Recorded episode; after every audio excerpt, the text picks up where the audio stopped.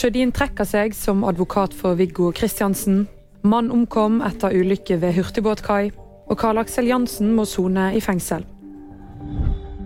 Arvid Sjødin trekker seg som advokaten til Viggo Kristiansen. Det skjer som følge av uenigheter med enkelte av Kristiansens støttespillere. Sjødin sier til VG at han ikke ønsker å krangle mer, og at det viktigste er at Kristiansen er frifunnet. Brynja Meling og Bjørn André Gulstad fortsetter som Kristiansens advokater i erstatningsoppgjøret.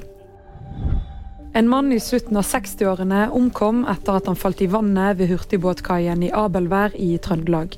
En annen person hoppet uti for å forsøke å berge mannen, men han ble bekreftet omkommet på stedet. Det fremstår ifølge politiet som en ulykke.